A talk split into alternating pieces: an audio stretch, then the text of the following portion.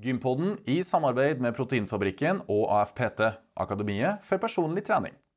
Veldig flott område, men vi hadde ikke noe å gjøre. Så det var sånn når jeg kom hjem fra jobb klokken fire, så var jeg innom Kiwi og kjøpte eh, kaker eh, og, og, middag. Så vi lagde da en god middag, og så ble vi sittende foran TV og spiste sånn Hva er det heter den kaken der som eldre mennesker liker? Fyrstekake. Fyrstekake.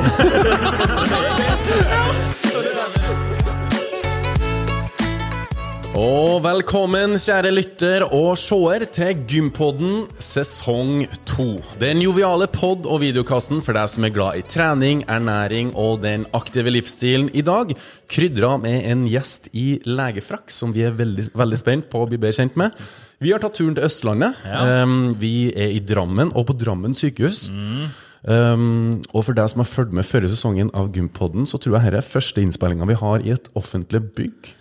Det tror jeg stemmer. Og han som snakker ved sida av meg, det er Fredrik By, min medpodder Yes. og makker. Ja, Um, og ja, Fredrik, har du vært på gym i det siste? det har jeg, vet du. Vi har jo passert nyttår. Og vi har hatt en har liten eh, pause i vår innspilling. Uh, ja. Så den siste måneden har jeg faktisk kommet godt i gang med både styrketrening og mine hverdagsskritt, for å kalle det det. da. ja, skjønner. 8500 skritt som jeg Um, mål. men hadde ikke vi noe nyttårsforsett? Vi ble enige om? Det tror jeg kanskje å huske på. Ja, og hva Altså, var det? jeg var litt vag på det. Jeg er jo ikke noen sånn nyttårsforsett-kar, men du insisterte jo. Og det var noe med svømming, var ikke det? Ja, Har du svømt nå i det siste? Null. Null meter? ja, ingenting. Oi. Ja, ja. Eh, så veldig dårlig det. Men eh, det, året er jo ikke ferdig ennå, Ja, Langt ifra. Langt ifra. Vi er i slutten av januar. det er vi. Når vi spiller inn. I dag er det jo den 3. februar. Det er jo da Gympodden har premiere. Enn du da, Lasse? Har du eh, fått fulgt opp nyttårsforsettene dine? Ja, nå skal jeg, med fare for å skryte bitte litt av meg sjøl Jeg har trent mer i januar enn hva jeg har gjort i oktober, Ja. november og desember til sammen. Ja, du har vært veldig aktiv på Snapchat eh, til meg, i hvert Ja, det må være lov å skryte litt spesielt til deg når jeg er i aktivitet. Um, og ja, i forhold til svømminga, da, for å starte um, Den første vekka så vet jeg ikke hva som gikk av meg, for at uh, jeg, jeg må jo Eller avtalen med meg sjøl var å svømme en gang i vekka, men jeg kom meg liksom ikke over den dørstokken. Men så var det som om proppen løsna. Um, jeg kjøpte meg halvårskort på den lokale svømmehallen i Stavanger.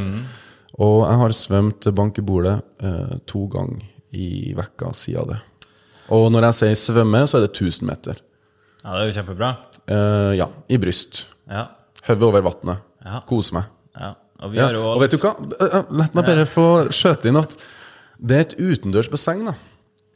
Og når jeg svømmer i mørket, eh, altså det bassenget er opplyst, og så er det litt sånn meditativt. Og jeg, jeg har ikke musikk på ørene, og jeg bare Ja, tankene svirrer, og ja, nesten så Jeg gleder meg til å si det på uh, Gympoden, at Ja. uh, det anbefales. Wow, altså. Ja, ok. Så Ja. du, ja, du For jeg har, litt ja, for at jeg har svømt både på dagtid når det er lyst, men også spesielt på morgenen og på kvelden etter mørkets frambrudd. Og du- det er Jeg koser meg. Du foretrekker mm, ved mørket? Det første jeg skal gjøre når jeg kommer tilbake til Stavanger, er å svømme en tur i mørket. Ja, ja, ja. Meditere litt etter uka som har vært? Ja, eh, Bortsett fra det så har det vært en del crossfit, styrketrening. Jeg har òg prøvd å gå 10 000 skritt hver dag, Ja. eh, og har klart det. Eh, Så virkelig, også. Nytt år, nye muligheter. Først, veldig stolt over jobben jeg har gjort. Kult. Men vi er endelig i gang med sesong to. Det er vi. For å holde det her showet vårt gående, så har vi jo noen samarbeidspartnere. Det har vi. Og som alltid så har vi Snåsavann med oss på laget. Cheers to that. Som slukker tørsten, ikke minst. Og nytt i denne sesongen er at vi har fått med Proteinfabrikken. Ja. Så dem skal vi ha som gjest i podkasten. ja.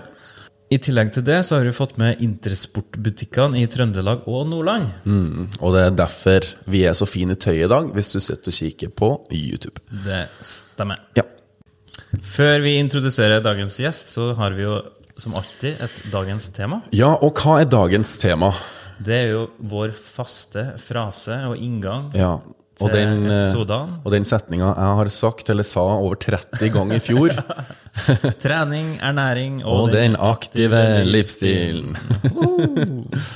Men ja, har du noen erfaringer med de punktene der? det er jo det jeg på mange måter har ånda levd for i så mange år, og det var jo derfor eh, Og det har jo du òg, og det var jo derfor at um, vi begynte å lage denne podkasten. Det var det. Um, der vi har reist rundt og intervjua veldig mange spennende personligheter. Uh, hvordan de ser på trening, ernæring og den aktive livsstilen. Uh, men så er det jo sånn da at uh, vi har jo en som har svart belte i nettopp det, og som driver folkeopplysning eh, på litt mer enn bare hobbybasis. Oh yes. Og for å komme inn på han, så er det på tide å fyre i gang den velkjente celloen vår. Ja, Celloen er tilbake i sesong to òg. Årets første, skal vi bare kjøre? Ja, vi gjør det. Han kom til verden en junidag i 1975. Vokste opp som nest eldst i en søskenflokk på fire. Etter en aktiv barndom bestemte han seg tidlig for å utdanne seg som lege. Og utdanning fikk han mer som på plass. Mellom 97 og 2003 tok han medisinutdanning. Og mellom 2005 til 2010 tok han spesialisering i indre medisin. Og ikke nok med det, så fullførte han i 2016 sin doktorgrad om bruk av ultralyd ved hjertesykdom. I dag er han overlege og kardiolog på Drammen sykehus. Han har også skrevet hele tre bøker om sitt liv som lege og sine erfaringer. Og i de siste årene har han vært aktiv på TV-skjermen med fast deltakelse i Hva feiler det deg? på NRK. Og i 2020 vant han quiz-programmet Alle mot alle sammen med Astrid Nylander Almås. han har også bygd opp en YouTube-kanal hvor han formidler folkeopplysning til sine 71 000 abonnenter. Wow! Over 71 000, faktisk. Ja. Og med det ønsker vi Twitter-legen velkommen. Wasim Sahid! Eller takk for at vi får komme til deg, Ja. eh, Wasim. Tusen takk for at dere er her, og takk for at jeg får være med på dette her. Dette her har jeg gledet meg til ordentlig lenge. ass. Så bra. Ja. Du, Tusen takk for den introduksjonen der. Jeg følte bare at selvtilliten min bare steg liksom, setning for setning. Men så slo det meg at ok, jeg har brukt 20 år på skolebenken. Herregud, det er så lenge, det. Ja, det er lenge, ass. Det er ganske sprøtt å tenke på. I Ja. hvert fall når du summerer opp på den måten der. Men var det litt sånn memory lane for din, eller? Ja, det var det, faktisk. Når du begynte å trakte helt tilbake til fødsel og barndom. sånn. Ja, gjør noe god tilbakeblikk. research. Ja, det er kjempebra. Jeg er imponert. altså. Ja. Vi kan ta det litt sånn fra starten av. ja, skal vi? Ja, når vi gjorde research på deg, så fant vi ikke så mye om uh, idrettskarriere og sånne ting. så overraskelse. Det var, det var stort sett utdanning det gikk i. Men eh, kan ikke du fortelle oss litt hvordan det var å vokse opp for din del? Ja, Var du aktiv som barn? Ja, veldig aktiv. Uh, og jeg er jo vokst opp i et blokkområde, så vi var blokkbarn. Ja, I Oslo. I Oslo. Ja. uh, I et borettslag. Og der er det jo sånn at som, der er det masse barn, det var masse barnefamilier, og vi var ute hele tiden. Fra morgen til kveld. Løp liksom, i disse gatene mellom blokkene og eh, sykla og bygde sånne ramper så vi på en måte kunne hoppe med syklene våre. Og ja, uh, Boksen går og Sisten og så alle disse barnelekene. da. Ja. Så hendte det at uh, hvis vi på en måte var litt vågale, da, så stakk vi ned til Røa, som på en måte var det fine området da, der hvor jeg bodde. Og så dro vi på epleslang og hoppa over gjerdet og rappa epler. Sånn. Ja, masse. Så, men vi var på en måte veldig aktive. Og jeg tenker hvis jeg sammenligner med sånn som jeg er forelder nå, da, så, Ja. så passer jeg mye mer på barna mine enn det vi ble passet på. Foreldrene våre hadde ikke peiling på alle de rare tingene vi drev med.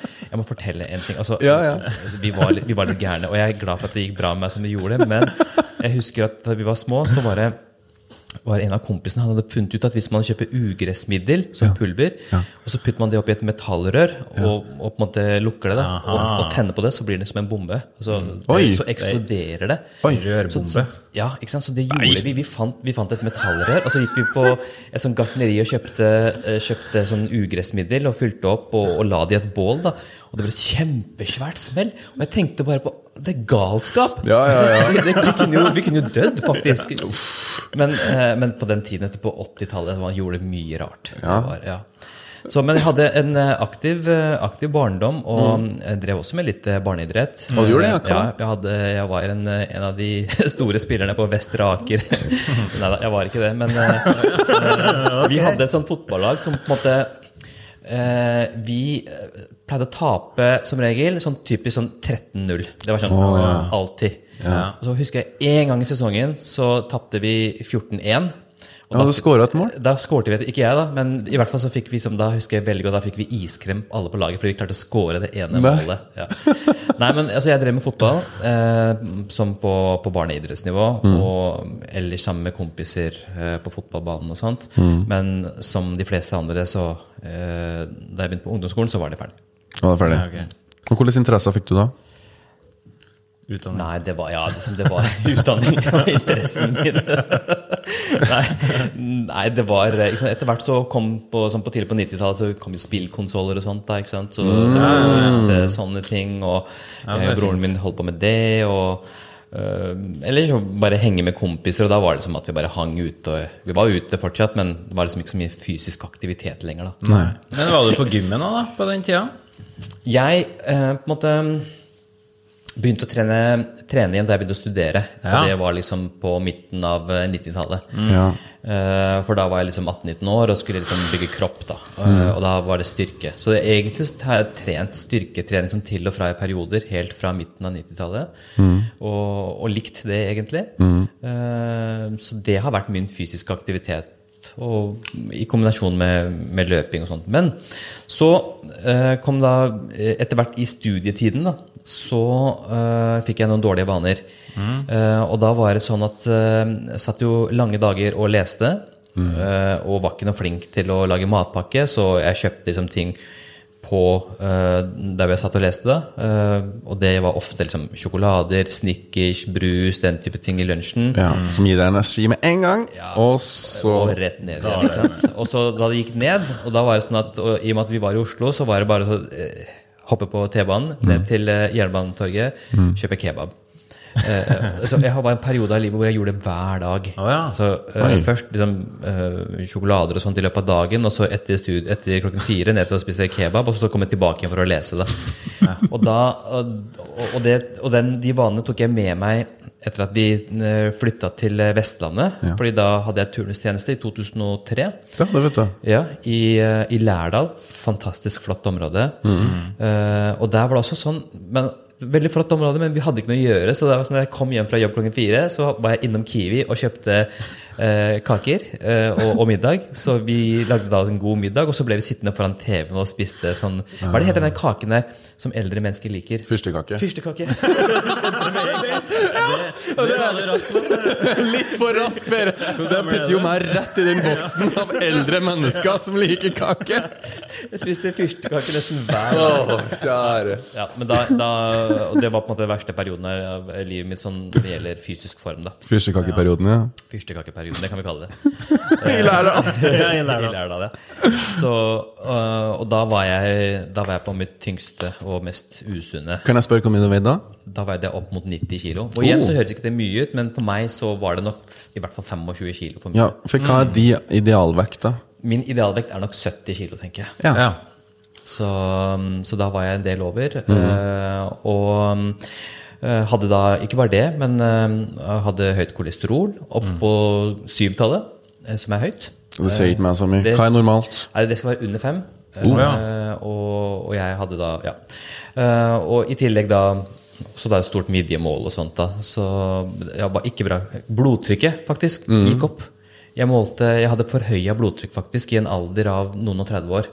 Uh. så, det, så da var det en dag hvor jeg måtte bare Jeg tok en alvorsprat med speilet. da Ja. Men det som er interessant, det som inspirerte meg, Ja. det at på 2000-tallet så var det mye sånne der livsstilsprogrammer på TV. Sånn Ja.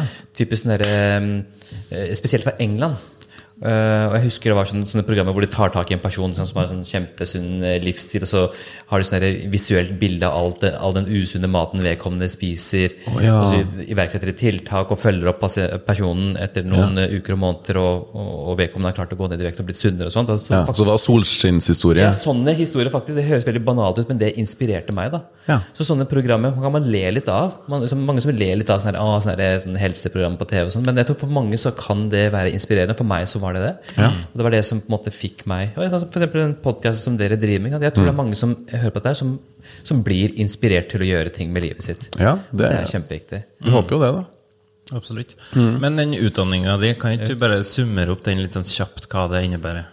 Utdanningen min? Ok, eh, jeg studerte medisin. Det vil si det er det man studerer for å bli lege. da, På Universitetet i Oslo Ja. fra 1997, og det er en seksårsutdannelse til 2003. Og når man er ferdig utdannet, så må man ut i turnustjeneste. Det var da jeg reiste til eh, Sogn og Fjordane og var der i halvannet år.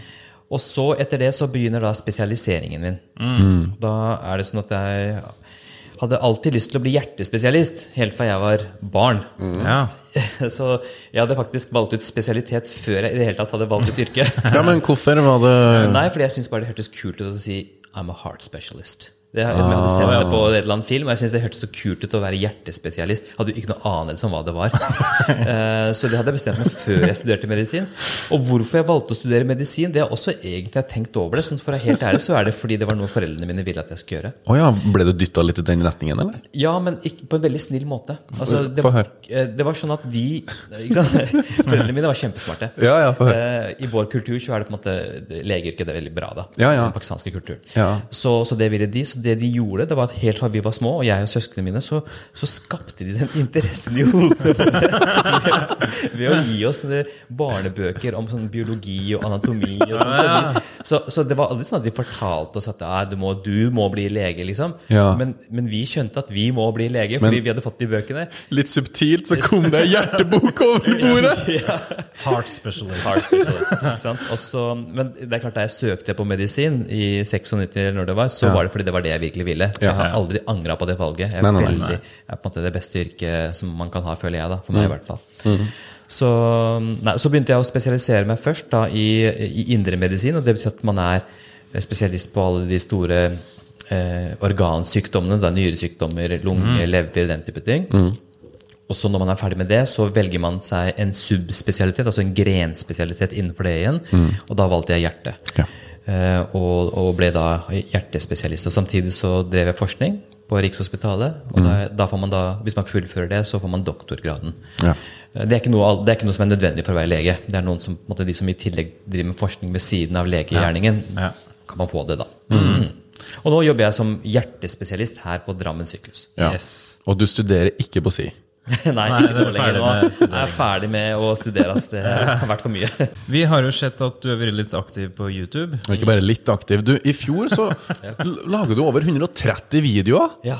Hvordan har du kapasitet til alt det? Ja, vet du, jeg elsker det. Jeg må jo si at uh, de som hører på denne podkasten her, uh, de ser ikke at uh, disse gutta her kommer med utstyr. Da de kom og rigget opp utstyret sitt, da Jeg satt jo med store øyne og bare glodde. Fordi, liksom, Ja, de gjorde faktisk. Ja, ja, sånn, Dere har på en måte de kule kameraene og sånt, og sånn som man bruker på YouTube. Ja. Altså, jeg elsker jo både formidling av helseinformasjon mm. og, og det er et eller annet rart, jeg vet ikke hvorfor, men hver gang jeg hører noe som er spennende, eller leser en spennende artikkel, min første tanke er å, dette må alle andre også høre om. Så jeg har på en måte den der formidlingstrangen. Ja. Og samtidig så er jeg jo helt nerd på sånn teknisk utstyr. da, Sånn ja. mikrofoner og lys og lyd og eh, kameraer og alt det der. Så da på YouTube så har jeg kombinert de to tingene. Og du sier altså hvordan klarer jeg å lage 130 videoer? Og det er jo fordi jeg syns det er gøy. Eh, Mm. Ja, ja. Det, er, det er som en hobby også. Ja. Og Så da- det gir deg energi. Det tar ikke Det er ikke sånn at å, du gruer deg til ettermiddagen for du skal sette deg ned og redigere litt. Du gleder deg. Ja, ikke sant? Og, og, og spesielt når du får tilbakemeldinger fra folk som på en måte setter pris på det du gjør. da. Ja. Som, jeg har fått så mange tilbakemeldinger på folk som på en måte sier at ja, det du fortalte meg, det gjorde at jeg snudde, og at jeg gjorde noen tiltak. Og at måte er- da tenker jeg bare, Hvis én person sier det til meg, så Ja. er det verdt de 100 videoene jeg har laget. Ja. Det betyr så mye å få sånne tilbakemeldinger. Men uh, du fikk fart på YouTube-kanalen da, og bygde opp en bra følgerskare der. Og så nå i den senere tida så har du jo begynt å lagt ut noen videoer om uh, en liten livsstilsendring du skal gjennomgå de neste seks månedene. Ja. Jeg har dessverre, i likhet med mange andre, forsømt kroppen de siste par årene under pandemien her. Eh, og det er så lett å skylde på pandemien, men når jeg tenker over det, så er det jo egentlig min egen skyld. ikke? Jeg har ikke giddet å trene. Eh, og så tror jeg mange som vil kjenne seg igjen at man, man føler at man har av en eller annen grunn fortjent kos under pandemien. Ja. Ja. Ikke? At, at du føler at nei, vi må jo det er- inne, Vi er inne, vi får ikke dra ut. Da får vi kjøpe litt godteri, og da får vi ha sjokolade og ha litt god mat. Og det endte med at jeg eh, la på meg. Eh, og man kan liksom ikke se Jeg, ser fortsatt ut som en slank person, Ja. og det er et interessant poeng. Man kan liksom ikke se på det, men eh, hvis man gjør da en medisinsk undersøkelse på kroppen min, som jeg også gjorde, Ja. så har jo da den livsstilen på bare et par år satt spor. Hva kom fram i den undersøkelsen? Og det som kom frem, For det første så var det jo altså, midjemålet mitt har økt. Og jeg er jo da sørasiatisk og på det mindre jeg har, Vi har litt sånn smalere kropper enn det for dere vesteuropeere har. Da. Ja. Så for meg, det å ha en midje på 97 cm, som kanskje ikke er veldig mye for en voksen norsk mann, mm. er det for mye. Eh, og og jeg, da tok jeg noen noe tester og noen blodprøver, og sånt, og det som på en måte eh, sto litt ut, da, det er, det er en blodprøve som heter HbA1c. Og det er en blodprøve vi bruker for å både diagnostisere og følge opp diabetes. Altså en, en livsstilssykdom. Som også er arvelig. Som også er arvelig, og, men som også er eh, eh, på en måte heftet med livsstil. Da. Ja. Så, og 41 hadde jeg. 41. Og det er en verdi som er riktignok innafor normalområdet, men helt opp i det, måte, det øvre sjiktet. Okay. Og det er liksom hakket før man kommer inn i det som heter prediabetes, altså en tilstand hvor du har betydelig høy risiko for å utvikle diabetes. Og det er en definert tilstand? Det er en definert tilstand. Hjerte- og karsykdom. Ja. Eh, Så, så for meg så var det på en måte Så er det blodig alvor. alvor og da tenker jeg og, og, da, og det var liksom også derfor jeg på en måte gikk litt ut da, og fortalte om dette her. Eh, fordi det, For det første er det veldig mange andre i samme situasjon. Så jeg har fått, 100 Sikkert meg sjøl inkludert. Ja, ja, ja. Ja. jeg har fått tilbakemelding fra så mange som kjenner seg igjen i det. Ja. med de siste par årene. Og så er det også litt sånn for å forplikte meg selv. da. Fordi jeg, jeg, jeg kjenner meg selv, jeg klarer, Hvis jeg bare bestemmer meg for at nå skal jeg på en måte, skjerpe meg det neste halvåret, så, så, så klarer jeg ikke å på en måte holde ut. da. Men hvis det er noe på spill, hvis jeg på en måte har, eh, Ja. har forplikta meg og fortalt på en måte 70 000 mennesker hva jeg skal gjøre Ja, men ikke nok så- med det. Var ikke det noen som tok tak i deg for at du tok og la ut noen bilder som var litt sånn jeg vet ikke, over kanten eh, for, for enkelte? Ja. Ja, hva var det?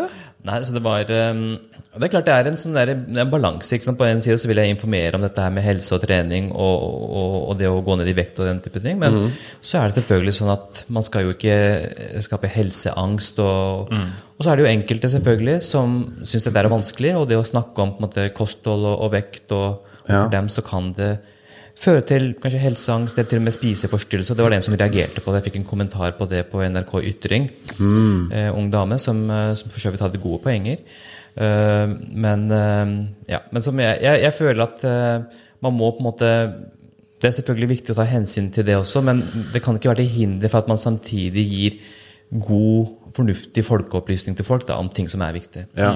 Men, um, du sier forpli forplikte deg. Hva er det du forplik har forplikta til dine følgere, uh, og som du kan gjenta til oss her? Ja, det kan jeg gjøre. Uh, Hvilke steg, og til våre lyttere og seere, hvilke steg er det, er det du anbefaler da, eh, eh, for å komme tilbake til et nytt og bedre jeg? Ja. For det første så uh, satte jeg konkrete mål Ja. på både uh, fysisk form når det gjelder hvor god jeg skal være i forskjellige altså treningsformene. Hvor sterk jeg skal bli, hvor god kondis jeg skal ha. Og så har jeg også satt mål på uh, hvordan kroppen min skal se ut. Det er midjemål, vekt, og også da noen blodprøver som jeg har tatt, som jeg skal sjekke før og etter. Ja. Ja. Det er én ting. Og det som jeg er veldig opptatt av, det er at livsstilsendring det handler om å endre livet. Og livet det er ikke en liten jolle som du bare kan på en måte bråsvinge fra den ene til den andre siden. Det er Nei, den svær- følger, følger strømmen, ja. Det er en Ja. svær oljetanker som du må på en måte justere gradvis og forsiktig og med en tanke. For hvis du på en måte tar en oljetanker og svinger brått, så faller du av. ikke sant? Eh, Så, det er, så, så jeg er veldig opptatt av at man gjør forandringer som er til å leve med ikke bare de neste seks månedene, men de neste 60 årene. Sånn det skal være. For det er det som gir en god livsstil, og virkelig gir de varige effektene. Så jeg har det jeg kommer til helt konkret til å gjøre. eh, Jeg har satt opp eh, et treningsprogram som jeg føler er veldig enkelt, egentlig. Mm. Veldig sånn, hva skal jeg si, veldig kjedelig og grunnleggende. Tre ganger i uka på gymmen. eh, Hvor jeg da først trener én time med styrketrening, sånn helkropp generell program. Ja. eh, Og avslutter treningsøkten med en halvtime på tredemølle. Hvor jeg løper Ja. fem-seks kilometer. Oh, ja. Eh, Og det gjør jeg tre ganger i uka. ja. Eh, I tillegg til det så prøver jeg å ha en så aktiv livsstil som mulig. Jeg har et prinsipp. Nå er vi jo i et sykehus som har 14 etasjer. Ja. Jeg tar aldri heis. Ah, Uansett okay. om jeg skal opp to-tre etasjer eller om jeg skal opp til 14. Jeg tar ikke heis. Hverdagsaktivitet. Yes, det er, så det er, så det er, altså, trappegang er jo en veldig undervurdert form for trening. Du får opp pulsen, du blir varm og andpusten, og musklene får kjørt seg. Så det gjør jeg. Eh, på kontoret mitt så har jeg installert det som pullup-bar. Så når jeg kommer på jobb på morgenen, det første jeg gjør, er å ta ti pullups. Og så tar jeg 15 pushups og 15 eh, knebøy. Bare for å få en liten kickstart på dagen. Det, det tar jo bare fem minutter. ikke sant? Ja. Uh, og også hjemme har jeg en pullup-bar til min kones store forargelse. Altså, så har jeg installert den i korridoren eh, hjemme. Det ser ikke noe pent ut, men den henger nå Så når folk kommer på besøk, så er det bare ok, opp med det. Det er faktisk hatt, altså, en konkurranse når folk kommer hjem til meg. Uh, så, så tar jeg hver gang jeg går forbi, så prøver jeg å ta noen pullups der også. Da. Ja. For å ha en sånn aktiv livsstil gjennom dagen. Når det gjelder kosthold, så Mitt store problem det var jo at det var for mye altså Jeg har spist én til to sjokolader hver eneste dag i et helt år nå. Oi! Ja, og Det blir mye kalorier. Det blir fort 400 kalorier ekstra hver dag. Ja, minst. Det er liksom, det er 5-6 kilo fort på et halvt år. Altså. Det er, eh, Ja, du legger nettopp på det, det. Ja. For det, de kaloriene som du spiser med sjokolader, de kommer jo på toppen av alt det andre du spiser. For det er ikke sånn at hvis du har en daglig kvote på la oss si 3000 kalorier, da, Mm. og, så spiser du, så spiser du 500 kalorier i sjokolade, at, at du da begrenser deg til 2500 for resten, du gjør jo ikke det. Fordi de sjokoladene metter jo ikke i det hele tatt. Det er bare kos, det. Så den kommer på toppen av alt det andre. Så det ender med at du spiser kanskje 3500 kalorier hver dag. Ja. Eh, og da, så det har jeg da bestemt meg for å kutte drastisk ned på.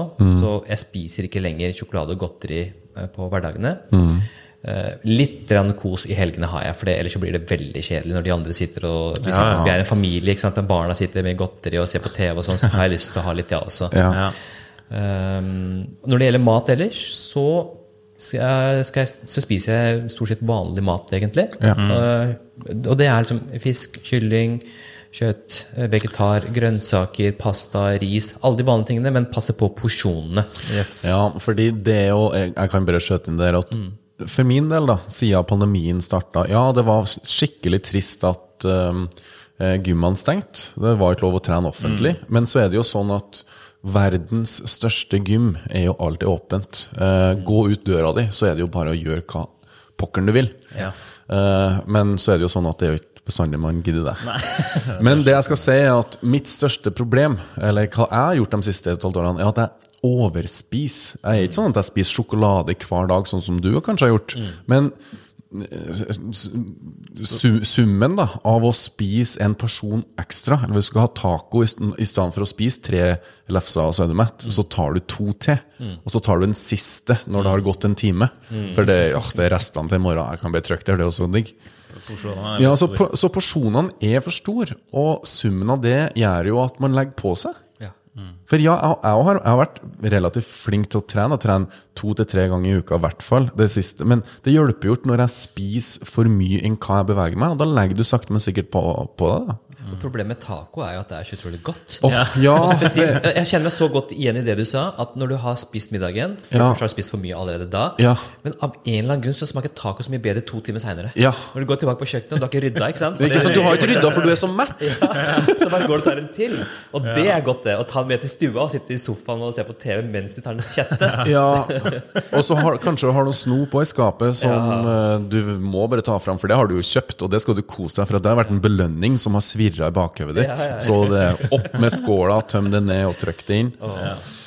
Ikke bra. Men er det sånn at du tracker kaloriene dine? At du teller kalorier på hvert måltid? Tidligere, altså rundt eh, 2007-2008, da jeg var veldig overvektig og skulle gå ned mye, så gjorde jeg det. Ja. Da var jeg helt sånn at jeg eh, fant ut hvor mange kalorier daglig jeg kunne spise Ja. eh, for å gå ned så og så mange kilo over den perioden. Jeg gjorde det, altså, lagde en ordentlig kalkyle. Ja. Og så forholdt jeg meg strengt til det. Ja. Eh, og telte kalorier. Men klart når du gjør det, etter en periode så skjønner du jo intuitivt hvor mye kalorier en brødskive med ost har, hvor mye et eple har. Så du trenger ikke å telle etter hvert så mye. Bare sånn, du lærer deg det. Men nå så syns jeg at eh, Nå er ikke problemet mitt at jeg skal gå så mye ned i vekt. Eh, og jeg syns også det er Noen ganger så kan det bli et litt sånn vanskelig fokus å ha å drive med eh, veldig sånn telling av kalorier. Jeg har også lyst til å ha et veldig normalt forhold til mat. Men eh, tenker du tallerkenmodellen, da? Eh, Jeg har jo prøvd å sverge litt til den, da. At halvparten på min tallerken skal være grønt. Eh, brokkoli, salat, eh, avokado, altså. For at det tar Det, ser appetittlig ut. Eh, og så er det jo sånn at det er mye mindre kalorier i det enn uh, enn f.eks. ris. Eller, men du må jo ha proteiner òg, da. Ja. ja, men det fins jo sunne proteinkilder. Ja, det er det jo. Magert kjøtt. Altså, Ja. Kylling og fisk og eh, kidney beans og sånt. Altså kikerter. Det fins Ja. mye mager mat med bra proteiner også. Så egentlig hele målet ditt er å gå ned i fettprosent, Ja. men øke i styrke og muskelmasse, sånn at Yes. vekta egentlig blir den samme, eller kanskje litt høyere òg, fordi du øker i muskelmasse. Ja, det får vi se da, Seks måneder er jo veldig kort tid. tenker jeg. Det vet jo dere eh, som har jo svære muskler begge to. Herregud, jeg føler meg så underlegen når jeg sitter her. Men altså, å, å, å bygge muskler tar tid. Ja, det gjør For Alle som har trent, ve- skjønner det at eh, å på en måte for eksempel få en litt større overarm overarm, det tar lang tid. Det gjør det. Eh, Så jeg er ikke sikker på Jeg tror nok likevel at jeg kanskje kommer til å gå mer ned i fettprosent enn jeg går opp i muskelmasse. Ja. For det er såpass kort tid. Men over, over tid, over lengre tid, så er jo det et godt mål, tenker jeg. Men eh, eh, for dem som lytter på, så hører jeg at du var nesten på den prediabetes eh, Til Ja, stadiet. grensa. Mm. Og du, som du sjøl ser, da, det ser ut som en alminnelig mann. Ikke noe overvektig sådan. Men er det sånn at uh, kanskje de blir litt redde og begynner å tenke at shit, nå jeg begynner å ta blodprøver og liksom se hvor jeg ligger hen? Eller?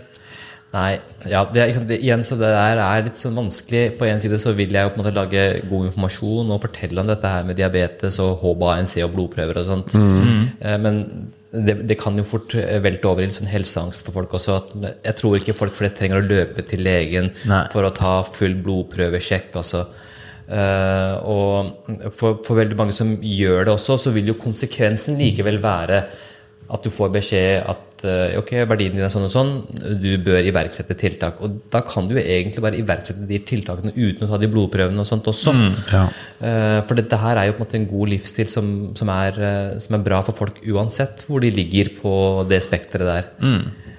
Så nei, det er ikke nødvendig å ta en full blodprøvesjekk. Men jeg vil si én ting, mm. og det er Hvis du har blitt 40 år Ja. Eh, og aldri har vært hos legen og Det er jo mange som ikke har behov for det, heldigvis. Og, og så syns jeg at da er det greit Akkurat ved 40 års alder så er det greit å ta en sånn service, en sånn sjekk. Ja. Bare for å få målt blodtrykk, kolesterol, blodsukker. Og hvis de tingene da er i orden, så kan du godt glemme det igjen i fem år. Men rundt 40 års alder så bør du gjøre det én gang, tenker jeg. Ja, ok. Så da ringer du legen og ber om en liten service? Da kan du ringe legen og bestille og si at jeg ønsker å ta en liten helsesjekk. Ja. Helsesjekk. Men ikke, sånn, ikke hvert år, liksom. Det er ikke noe poeng. Nei. Men eh, du sa at du var på den skalaen da, Mm. på 41, og så hvis du hadde bikka 42, så hadde du vært i den prediabetes-kategorien. Så normalområdet for den blodprøven, HbA1c, går fra 27 til 41. Ja. Og så fra 42 til 48 så kommer du i prediabetes, altså trinnet før diabetes. Og fra 48 oppover så er du i diabetes. Hvor langt var du liksom unna å komme da, i den prediabetes? Jeg var jo på grensa. Jeg hadde 41, og grensa er 42. Men er det snakk om seks måneder, eller er det snakk om seks år? Eller? det Snakk om tre sjokolader om dagen i stedet for to. Det, ja, det kunne vært eh, Den blodprøven HbA1c reflekterer det gjennomsnittlige blodsukkeret ditt de siste tre månedene. Så hvis jeg hadde fortsatt den samme livsstilen i tre måneder til, så er det ikke utenkelig at jeg hadde vært på 42. Nei, ok, så det går så fort uh, fram, altså. Ja, ja. Så, I hvert fall når det først begynner å komme på skråplanet. Så begynner det å skli. Hvor langt er du inn i din livsstilsendring nå? Du, jeg er uh, i eh, tre uker. Ja, og Hvordan går det? 1. januar. Ja, jeg vet det 1. januar. Uh, Det går uh, veldig bra. Jeg har fått en flying start. Eh, Jeg har vært på treningssenteret tre ganger i uka. Eh, Alle tre ukene. Jeg Kjempebra. har eh, ikke spist eh, sjokolade en eneste gang. Bank i bordet. Yes, bank i bordet. Absolutt. Jeg skal på kino etterpå. Du får ta med noen gulrøtter og så Ja, irritere alle rundt deg. Jeg jeg får bare ta med en Pepsi Max eller et eller annet sånt. Eh, og så eh, jeg, jeg, Det jeg har gjort, da, det er at jeg har tatt uh, bilde av meg selv hver dag. Hver dag? I Hver dag, ja. Ah, på samme gøy. sted. Kamera på samme sted. eh, på samme tidspunkt hver dag. Ja. Uh, og, og, og dette her skal jo selvfølgelig ende i en timelapse da, om seks måneder. Hvor man kan la kjøre Du skal gjøre dette i seks måneder? Ja. Spennende. Uh, og, men jeg ser jo allerede at altså, det er ikke mer som skal til. Allerede tre, tre uker uti det som, som ser jeg visuelle forskjeller på Ja. kroppen min. Yes. Det, det er motiverende. Ja, supermotiverende. Er Supermotiverende å se på. Ja. Uh, så, så jeg gleder meg til uh, å se hvordan dette her utvikler seg videre. Hmm. Uh, nei, så det er Foreløpig så holdt jeg på, men det er jo ofte sånn hvis man ikke har trent på en stund, og så begynner å endre livsstil, så kommer man da i eh, veldig, veldig fort i bedre form, men så kommer det et platånivå. Hvor det da flater ut. Hvor du, selv om du trener hardt og spiser sunt, så, så skjer ikke så mye endringer. Ja. Og Det er bare veldig viktig å være klar over, fordi mange blir demotivert når de kommer dit og gir opp, for de tenker at ja, det er ikke noe vits å fortsette. Men det er, dette her vet vi, at alle kommer til et sånt, eh, et sånt platå. Men så er det bare å, å krumme nakken og, og fortsette, så vil resultatene begynne å komme igjen. Ja, her har vi jo snakka med om Gunnar. Fordi han hadde jo en sånn artig metafor på det. For at i minusgrader Isbiten vil jo ikke forandre på seg. Uavhengig om det er 17 minus, 5 minus eller 1 minus. Men plutselig så er det null. Og så kan du komme på plussgraderssida, og da bråner jo isbiten. Han kommer bort. Ja. Det, Og, det var et veldig godt bilde. ja, den kan du ta med deg videre. Ja, videre, du- Ja, så hvis at du møter det platået, så kanskje det er fortsatt på minussida. Du merker at ah, det er ikke så kaldt, jeg kan fortsatt ha en tynn jakke i stedet for en boblejakke. Men du er fortsatt på minusgradersida. Men så Det kommer alltid en vår. Det kommer en vår, ja. ja. Ja, det var veldig bra. Det, det, er, det er akkurat det. ikke sant? Du Ja. bare, og det er et eller annet med fysiologien i kroppen. altså den, Mm. Kroppen vil jo egentlig ikke slanke seg. Nei, Fordi, den, den koser seg, den. Ja, den, For den er det jo et tap. Og, ikke sant? Fordi den tenker at oi, du tar bort ting fra meg. Du tar bort ting fra Ja. kroppen min. Det, så den prøver å holde igjen. Så når du igangsetter sånne uh, livsstilsendringer, så vil den på et eller annet tidspunkt prøve å bare bremse helt igjen. Ja. Uh, Men da gjelder det bare å fortsette å vente på at du bikker den der nullgraderen. ikke sant? Så begynner det å smelte. Nemlig. Ja, Er det andre ting du kan liksom si om ting som skjer i kroppen da, når man går i en sånn endring? Det er jo veldig mye som skjer i kroppen. Uh, og én ting er jo at eh, sant? eh, Det er mye snakk om dette magefettet og, og bukfettet, mm. og, og at det er uheldig. Eh, men det er, det er et veldig viktig poeng, og det er derfor det er mye prat om det også. fordi Tidligere, før i tiden, så anså man fettvev som bare noe som var helt dødt og inert, som ikke på en måte hadde eh, som ikke gjorde noe annet enn at det var eh, masse fett. Da. Men etter hvert så har man forstått at det er et veldig aktivt altså det er et aktivt organ faktisk som produserer ulike stoffer. Hæ? Ja, eh, fett, eh, Fettvevet produserer ulike hormoner og stoffer eh, som eh, har en eh, negativ effekt på andre organer. F.eks. blodårer, på lever, på nyrer, mm. hjerte. Eh, eh, så det, og, det gjelder spesielt det fettet som ligger i bukområdet. Det, Det viserale fettet? altså, ja, viserale fett, ja. Ja. Bra ord. Ja, det har jeg faktisk lært meg, skjønner du. Ja, Viseral, det betyr også rundt organene. Ja. Eh, så eh, så det, det, når, du da etter hvert får vekk eh, Reduserer på fettmengden i kroppen, så reduserer du også på disse aktive stoffene som er helseskadelige. Eh, så det er jo egentlig noe av det som er på en måte, effekten av å gå ned i vekt. Da. At, du, at, du, at du fjerner disse aktive og farlige stoffene fra kroppen. ja. Hvordan er det med proteinbehovet? da? Får du dekket inn det? Proteinbehovet er jo sant, Her har du fokus på det. Eh, Ja, det har jeg faktisk. Eh, Spesielt når du da skal eh, ned i vekt og prøve å bevare muskelmasse, så eh, er du på litt kalorirestriksjon. Du ligger på litt kaloriunderskudd. Ja. Og da er det spesielt viktig at jeg eh, sørger for at eh, proteiner utgjør en større andel av det totale kaloriinntaket mitt. Slik at jeg ikke, selv om jeg spiser færre kalorier, Ja. så skal jeg ikke eh, få i meg for lite proteiner, for det er viktig når du trener styrke. da. Ja. Eh, så jeg passer på at eh, til alle måltidene så er det, så er det proteiner. For eksempel, til- som jeg sa, på, til frokost så er det kyllingpålegg eller makrell i tomat. Ja. I salaten så har jeg kylling eller fisk, og til middag også. så jeg må på en måte Det har jeg fokus på, da, Ja. Men eh, ikke sånn gram, eh, antall gram per kilo kroppsvekt. Egentlig så er det jo det. Ja. Altså, men jeg har jo, men jeg har jo øh, Jeg har beregnet det, hvor mye jeg trenger. Ja. Eh, men så har jeg funnet ut at hvis jeg spiser sånn og sånn, så vil det omtrentlig bli bevart. Ja. Ok. Eller så kan du, hvis du, men hvis du vil på en måte være veldig nøye på det, så blir jo da f.eks. ta ting som proteintilskudd og sånt for å, Ja. uh, for å nå målene dine. Det er vanskelig å gjøre. Men har du, tar du en proteinshake og litt sånne ting, eller? Jeg har gjort det tidligere, Ja. og nå skal jeg se Jeg tenker at eh, Jeg har jo planer om å måte trappe opp treningsintensiteten og Ja. uh, etter hvert som jeg trener eh, Jeg har planer om å trene tyngre styrke, da. mm -hmm. uh, da vil jeg nok trenge det. Så da kommer det til å bli noen proteinshakes også. Det som er problemet mitt, er at jeg liker ikke smaken på det. Ah, Ja, men det er jo så mange- Vanilje, for eksempel, syns jeg smaker helt sånn der. Ja, Så- ja, det- Det er jo så mange smaker ute der. Ja, kanskje, kanskje det er en del år siden jeg testa det. Ja. Eh, jordbær eh, Når jeg for eksempel skal ha milkshake, da, Mm. så pleier jeg å gå for jordbær, for det liker jeg. Så kanskje jeg skal, jeg skal teste det ut. ja. Men når det er på gymmet, da, er det full kropp du kjører hver eneste gang?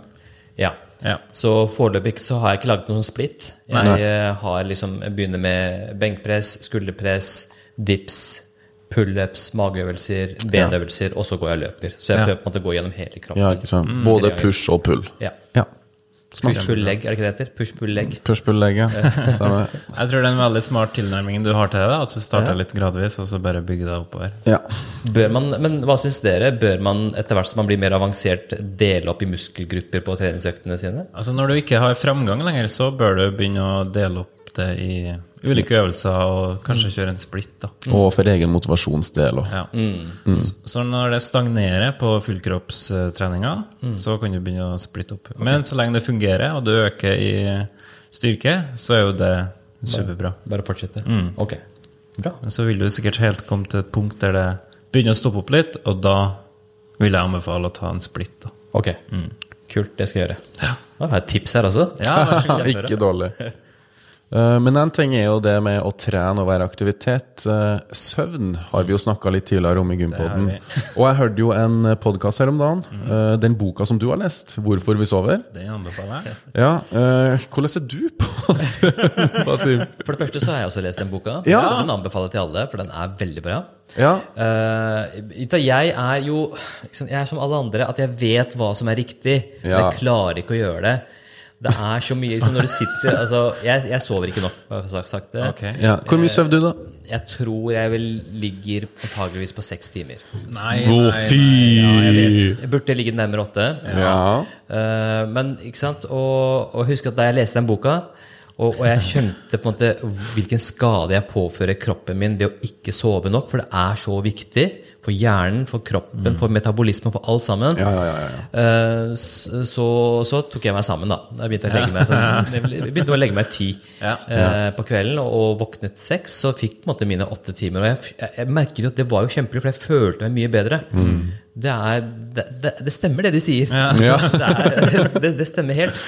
Men så begynner du etter hvert å falle tilbake på dårlige vaner igjen. da, Sitte på kvelden og det blir sittende og se på Netflix eller en TV-serie eller film, eller sitte og jobbe på laptopen, og så er plutselig klokka blitt halv tolv, ikke sant? Ja. og da og skal du opp klokken seks neste morgen likevel. Så Nei, men det er, det er, det er kjempeviktig. Eh, Søvn er så viktig og for hukommelsen, for, eh, for å få bedre effekt av trening, og for eh, fordøyelse, metabolisme. Så alle disse tingene er så regulert av den, cirka, altså den sirkadiske rytmen, døgnrytmen vår, eh, at man må på en måte harmonisere med den, og da er det kjempeviktig at du sover nok. Ja, det Hvordan er dere? Sover dere nok, eller? Nei, nei, nei. Ja, jeg prøver å prioritere Jeg, så jeg prøver jeg etter at uh, jeg fikk Vi snakka om det på poden. så har jeg prøvd å tilstrebe å sove mye mer enn hva jeg gjorde før. For jeg var mellom fem og seks timer oh, ja. i sikkert ti år på rad. Da er du sliten hele tiden. Da. Ja, fy og. Men så får jeg energi av å trene. Ja. Men det hjelper jo ikke når du ikke jeg, jeg liker jo å dra den sammenligninga at når du mm, eh, ligger og sover, så ligger du og hever eh, etter trening. Ja, Og restituerer på den måten. Ja, men du gjør jo det. Ja, men du gjør jo det. Men når jeg ikke hever nok, så er det jo du bare trener jo kroppen i senk. Du har så mange bra bilder. Ja, du, ja, er Isbiter og brød og jeg vet ikke. Ja, kanskje. Eh, men ja, for å svare deg kort på det, nei, jeg sover ikke nok fortsatt, altså. Ja. Men det må vi Og du er jo flink til det, Fredrik. Jeg prøver å prioritere det Ja. Ja. aktivt. Hvor, da, hvor mye sover du hver natt? da? Da prøver jeg på åtte timer. Ja. Så hvis jeg legger meg klokka ett, så tikker jeg inn klokka til ni. Og hvis jeg legger meg to, så blir det ti, videre. Liksom, det er jo da så vil jo mange si da, ikke sant, at du da har jo en eh, luksus hvor du har en fleksibel arbeidstid. Ja. Hvis du skal være på jobb åtte om morgenen, Ja. så betyr det at da må du kanskje legge deg senest elleve. Ja. Eller hvis du har barn. Ja. Ja, altså, det er jo- barnehage og sånt. på Ja. morgenen, ja. Det kommer an på livssituasjonen, selvfølgelig. Det er jo ikke alle som klarer å gjøre det. Men uh... Jeg hadde en kollega som, eh, her på sykehuset som jeg spurte jeg, som hva er ditt beste helsetips. Mm. Så sa han at det er å legge seg samtidig som barna. ja. Det var et poeng, egentlig. Sant? Ja. Da, såpass, som småbarnsforeldre så er det såpass utslitt at du kan, etter at du har lagt barna, så kan du egentlig bare gå og legge deg selv. Liksom. Så, så blir du i hvert fall uthvilt til neste morgen. Men så må du rydde opp etter barna, Ja, gjøre det- ja. vaske klær altså Det er mange arbeidsoppgaver. Altså, det tenkte han ikke han på. Men du sa at um, du spurte en kollega om det beste helsetipset hans. Kan vi spørre deg om hva er det beste helsetipset oh, ja. ditt? Åh, ja, vet du hva, det er um, mitt beste helsetips. En gang så ble jeg spurt av um, en av um, eh, kollegaene mine på det programmet Hva feiler det deg? Ja. Om, hvis du fikk lov til å gi kun ett helseråd til pasientene Det er det du får nå. ja, hypotetisk situasjon, for så er det jo egentlig ikke. Men hvis jeg kun skulle si én ting, Mm. så ville det vært fysisk aktivitet. Hvis det er på en måte Det er det ene som jeg tror har størst effekt på, eh, på helsa, da. Ja.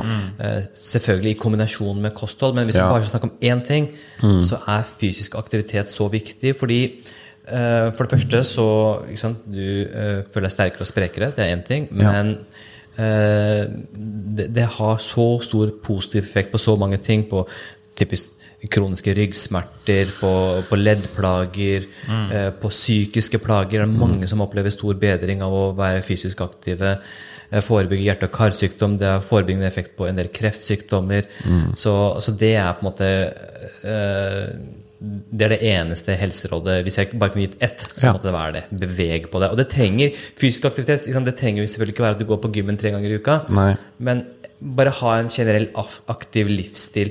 For veldig mange mennesker så er det faktisk at hvis du bare går mye hver dag, Mm. så har du tatt ut det meste av det som ligger av gevinst i fysisk aktivitet. Ja. Så selvfølgelig så kan du gjøre mer. da, Du kan trene og du kan løpe og løpe vekter og sånt, som kommer på toppen av det. Mm. Poser i det. Mm. For de aller fleste så er det bare det å gå mye.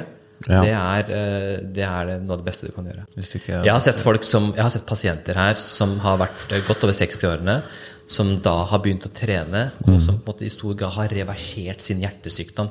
Og det er helt utrolig at det, går an. Ja. Eh, at de føler seg så mye bedre. Ja. Eh, og, og, og, og så, og så syns de det er gøy. De går på gymmen, liksom 70-åringer som går på gymmen og, og, og liksom liker å bygge muskler og sånt. Jeg synes det er så morsomt å høre på. Men kroppen er jo laga for å være i aktivitet. Det er derfor vi har ledd og muskler. ikke Ja, ikke sant? For at vi er ikke en sånn statisk krøkke som bare skal sitte foran eh, en PC eller bak en kontorpult eller whatever. da. Vi er jo lagd for å være aktivitet. Nei, Vi anbefaler at du som lytter på og ser på, går inn og ser på Wasim sin YouTube-kanal. Ja. Der kan du lære en hel del om Ja. kropp og helse. Veldig opplysende. Så det er bare å slå seg løs. Tusen takk. Mm. Vi har kommet til vår faste spalte Ti kjappe. Yes, Årets første ti kjappe. Ja. Okay. ok. Eh, Enten eller-spørsmål, så du svarer litt på impuls. Okay. Ja. Og kjapt. Ikke noe nøling her. Før du tenker. ok. Jeg er klar. Er du klar? Proteinshake eller proteinbar? Proteinshake. Trene med pulsklokk eller ikke? Ikke. Hjemmetrening eller trene på gymmet? Gymmen. Og trene med musikk på øret eller uten? Med. Lag mat sjøl eller takeaway? Lage sjøl. Delta på 71 grader nord eller Skal vi danse? 71 grader nord. ok. Kaffe eller energidrikk? Kaffe. Tur i skogen eller tur i parken? Tur i parken. Kebab eller taco? Kebab. Kebab. Twitter eller YouTube? YouTube. Arbeidshelg eller frihelg? Frihelg. Tren med eller uten kona? Med? Med, ja. Trener dere sammen, forresten? Er hun med og Noen ganger, men jeg, eh, jeg skulle gjerne trent mer med henne. Ja. ja. Kostholdsplan freestyle tallerken? Uh, Kostholdsplan. Tren for å dokumentere på YouTube, eller for å trene?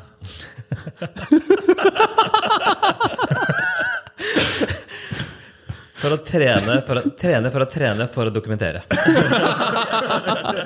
Ja, ja, det er jo òg et svar. Oh. Generell oppvarming eller spesifikk oppvarming? Spesifikk oppvarming. Eh, Rikshospitalet eller Drammen sykehus? Drammen sykehus for life. Tøy ut eller reise rett hjem etter trening? Rett hjem. Lasse eller Fredrik? Å, nei, nei, nei, nei. Det kan jeg ikke svare på. Jo, det, det kan du. Det kan du. Hva skal det bety? Altså, Ja, det, det er nettopp det. det, er nettopp det. Ja, vi hadde med i fjor òg. Ja, vi hadde med i fjor òg. Eller vi kom på den litt sent uh, uti sesongen. altså, det har jo, dette her har jo overhodet ikke noe poeng i, men altså, jeg har kommunisert med Lasse i forkant av denne her. Ja. Så, så det har vært veldig hyggelig. Men herregud, så hyggelig å snakke med Fredrik også. Ja. Jeg vet ikke, hva skal jeg si? Skal jeg si Lasse, da? I og med at vi har Yes, mest. endelig! For at alle svarer Fredrik. Ok. Ja, ja, men det, dette her er Man føler seg så dårlig av å få et sånt spørsmål. Ja, ja, ja. Nei, vi tåler det. Og så har det et spørsmål igjen. Ja, Siste, men viktigste. Trappa eller heisen? Ja, ja, ja. Trappa. Bra. Det er bra. Helt nydelig. Du klarte jo den her veldig, veldig lett. Ja, det var ikke så lett mellom kebab og taco. Nei, den var Altså, liksom, eh, Jeg spiser jo klart mye mer taco, for det spiser jeg hver fredag. Å ja, det er fredagstacoen, Det er ja. fredagstacoen, absolutt. og Men er det lørdagskebaben etterpå, da, eller? Nei, det er ikke det, men jeg har så mange uh, ungdomsminner om kebab. Ja, men ja, vi- det det kom jo fram i praten. Ja, og jeg syns kebab er kjempegodt, men det er bare så utrolig det er så, De er blitt så store og kaloririke, disse kebabene. Så jeg, Mhm. for meg så Nei. Men jeg, jeg syns det er veldig godt, da. Ja, det er kjempegodt. Sterk Ja, saus du, og brus ved siden. Eh, jokes aside, en god kebab, den, eh, den er på sin plass. Iblant. Iblant. Vi begynner å nærme oss eh, tampen her, slutten. Mm. Er det noe du har lyst til å tilføye? Helt til slutt? Nei, men altså, jeg har jo fått med meg at dere pleier å ha challenges på podkasten. Ja, Du, det stemmer. Stemmer, og vi har jo egentlig ikke snakka om noe challenge, har vi det? Jeg har ikke det, men jeg tenkte at altså, jeg har ikke sjans mot dere på noe som helst. Altså, jeg ser foran meg ikke sant, to sånne svære gutter med bulende muskler, og jeg blir bare mindre og mindre i stolen. Men jeg, det jeg tenkte Jeg skulle, jeg skal ta en liten test, liten sånn helsesjekk på dere to, kanskje? Ja, kanskje det? Ja, altså, jeg måler litt blodtrykk, og så har jeg jo et sånt flott ultralydapparat liggende. Jeg, jeg har egentlig lyst til å se hvordan hjertene deres ser ut innvendig. Oi. Er dere med på det? Ja, Ja, ja, ja. ja. Skal vi- 100 Skal vi se hvem som har det sprekeste og spenstigste hjertet på ultralyd? Åh, Jeg har trent det hjertet godt. Masse intervalltrening. Her kjenner jeg blir litt svett her. Jeg. Ja, jeg kjenner ekstra puls, jeg òg. Nei, men Da er det bare å gå inn på YouTube-kanalen vår og se Ja. hos, uh, hvem som har det sterkeste og flotteste hjertet av meg og Lasse. Ja. Og da er det egentlig bare for å takke for oss, pent og pyntelig. Tusen hjertelig takk, Wasim, for at vi fikk komme hit til deg i dag. Tusen takk for at jeg Eh, vi, ja, vi er kjempespent på hvordan eh, det går videre med deg. Vi skal følge med, for at det kommer en timelapse om et par måneder, eller fem måneder. Ja, absolutt. Eh, kjære seer, kjære lytter, tusen hjertelig takk for at du har fulgt med. Vi håper dette var veldig opplysende og fint. Og på gjensyn til neste episode av Gudpodden. Ha det bra. Ciao!